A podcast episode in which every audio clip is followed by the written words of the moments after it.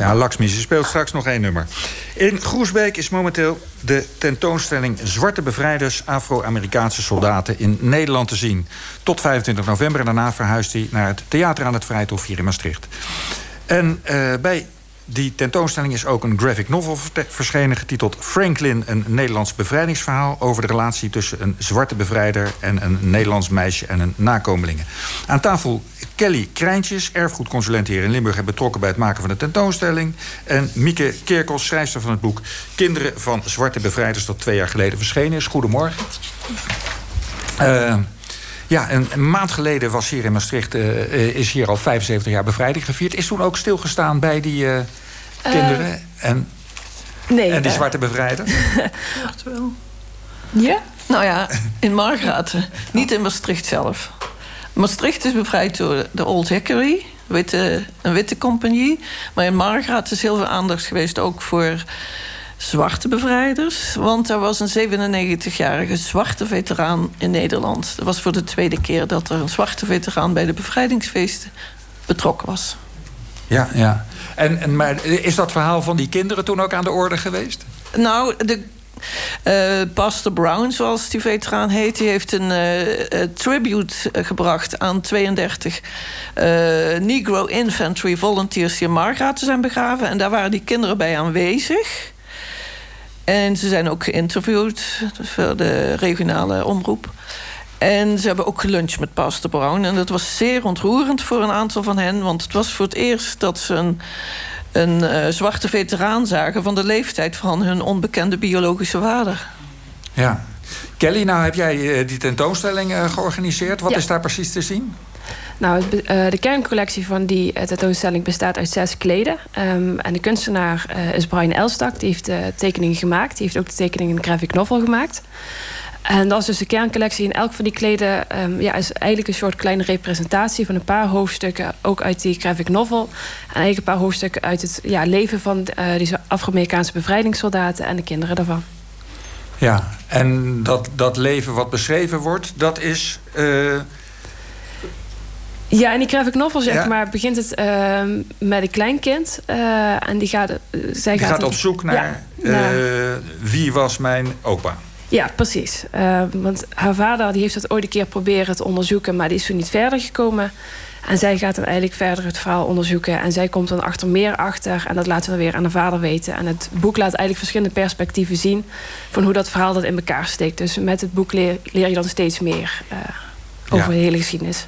Ja, en dat verhaal, Mieke, dat is een verhaal wat heel lang eh, onder, het, eh, onder tafel is gebleven. Waar Ja. men zich voor schaamde. Ja, er was. ehm, je kunt je voorstellen, in wit-katholiek Wi- Limburg... er werd er in één dorp een kindje van kleur geboren.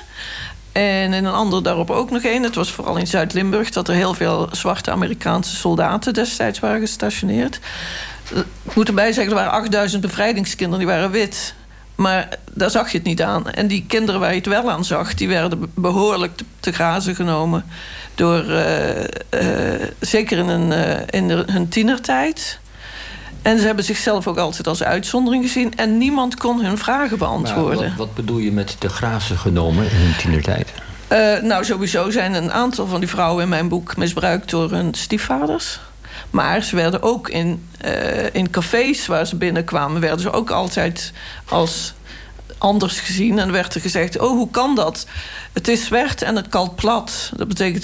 Ze, ze Vertaal is kleur. even, ja. ze is zwart, maar ze heeft. eh, Ze praat gewoon Limburgs, Limburgs. ja. Hoe kan dat?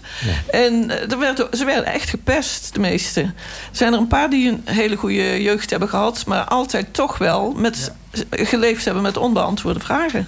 Want was het ook zo, wat, wat eh, in die graphic novel bijvoorbeeld staat... is dat er ook kinderen eh, direct moesten worden afgestaan eh, na de geboorte?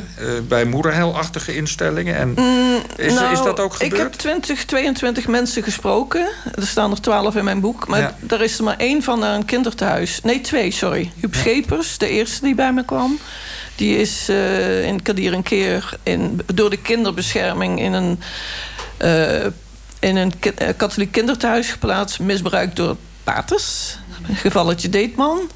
En eh, Trudy Habets in het boek... die is eh, bij de grootouders weggegrist. Echt letterlijk. In een auto gestapt en naar een kostschool van nonnen gebracht. Maar ik heb van moederheil en dergelijke heb ik geen nee, nee. mensen gesproken. Oké. Maar goed, je, zij hebben wel steeds geleefd met het gevoel van... Uh, ik ben Limburgs, maar ik ben anders. Ja, en, en zoals Trudy Haberts uh, ook zegt... toen ze uiteindelijk... Toen het, uh, dat haar, is een van die kinderen. Ja, dat is een van de ja. twaalf. Toen haar verhaal in het boek is gekomen... en ze is ook best vaak in de media opgetreden in 17, 2017, 18. Ze zegt, ik heb nu het gevoel dat ik er mag zijn... Want er waren altijd vraagtekens. Totdat ze, tot in de dertig, tot ze in de dertig was en solliciteerde. En dat ze zeggen, hoe kan het?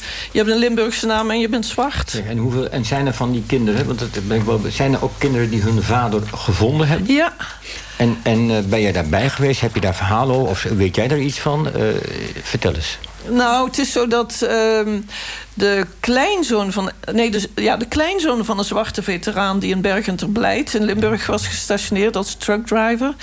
die is, uh, toen hij een jaar of dertig was, op zoek gegaan in Amerika... en die heeft zijn opa gevonden.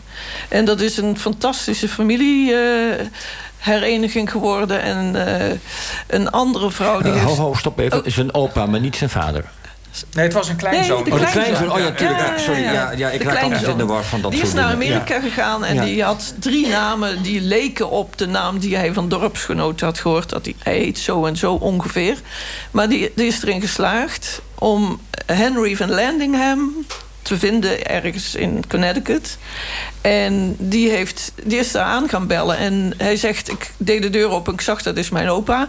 Hij herkende hem meteen. Maar hij vertelde niet dat hij zijn kleinzoon was. Want hij vond dat het iets tussen zijn moeder en haar vader was. En vervolgens heeft moeder een brief geschreven... en ze is meteen uitgenodigd om te komen... en van harte welkom geheten.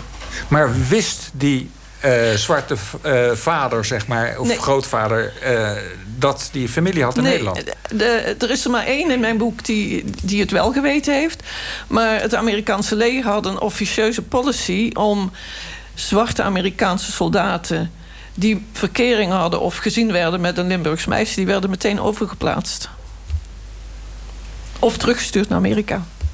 Ja, het was niet zo dat ze weggingen omdat ze verder moesten in die oorlog. Nee, nee, want nee. Maastricht werd natuurlijk in, uh, bevrijd lang voordat die oorlog voorbij was. Ja. En veel soldaten trokken door naar Duitsland. Nou ja, sommigen ja. uh, hebben het ik geloof dat twee in mijn boek die wisten het. Maar die konden niet hier blijven. Ik weet van één, uh, uh, één soldaat die wist dus dat zijn vriendinnetje in Nieuwehaag hier... dat hij zwanger was. En die heeft zelfs via het Rode Kruis nog kinderkleertjes gestuurd naar, oh. naar uh, de moeder.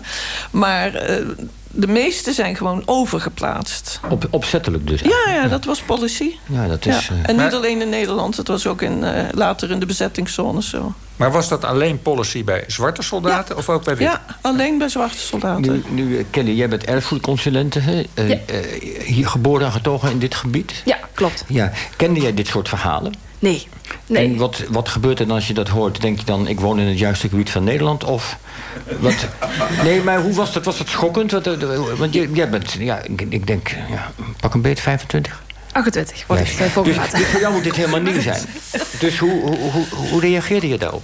Nou, het is eigenlijk heel soms toevallig gelopen. Want uh, Mieke zou een lezing geven voor waar ik werk. En toen had ze mij gebeld. Ik dacht, oh, die moet iets weten van het werk. En toen op een gegeven moment zei ze... nee, ik ben op zoek naar een jonge historicus... want ik wil mijn verhaal uh, verder laten lopen. Want ik zoek eigenlijk een soort opvolger. En ik was oh, dat, ik wil zeker wel een keer afspreken. Ik ben wel benieuwd. Want ik moet zeggen, eerlijk gezegd had ik in het begin niks met de Tweede Wereldoorlog. Totdat ik dit verhaal hoorde. En ik denk, ja, er moet iets mee gebeuren. Waarom weten wij dit niet? Waarom hebben we dit niet op school gehad? Want je hoort altijd maar één kant van het verhaal. Dus nee, ik had eigenlijk wel natuurlijk iets horen van hier moet iets mee gebeuren. Ja, ik moet niet stil blijven Je bent er nu ook twee jaar mee bezig. Ja, uh, klopt. En het taboe is er nu wel een beetje af, hè? 75 jaar na de bevrijding. Het is niet meer zo dat mensen zich er erg voor schamen. Nee, dan moet ik zeggen, heeft uh, Mieke zich ook al tien jaar lang voor ingezet. Ja. En zeker met de komst van Percy Brown, uh, ja, de eerste Afro-Amerikaanse bevrijdingssoldaat die dan, dan naar Nederland komt. Dat is wel een mooie afsluiter van na 75 jaar. Goed, nou, hartstikke bedankt voor jullie verhaal. Het boek Franklin is uitgegeven bij Rose Stories. Ja. En uh, Mieke, is jouw boek nog verkrijgbaar? Ja. En dat, is, dat heet, en dat is uh, uitgegeven Kinderen bij? van Zwarte Bevrijders. Ja. En dat is van, bij Van Tilt uitgegeven. En het is De beroemde op internet te krijgen. Ja. Goed, ja. hartelijk dank.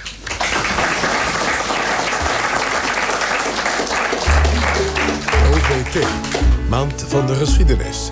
Live vanuit het Natuuris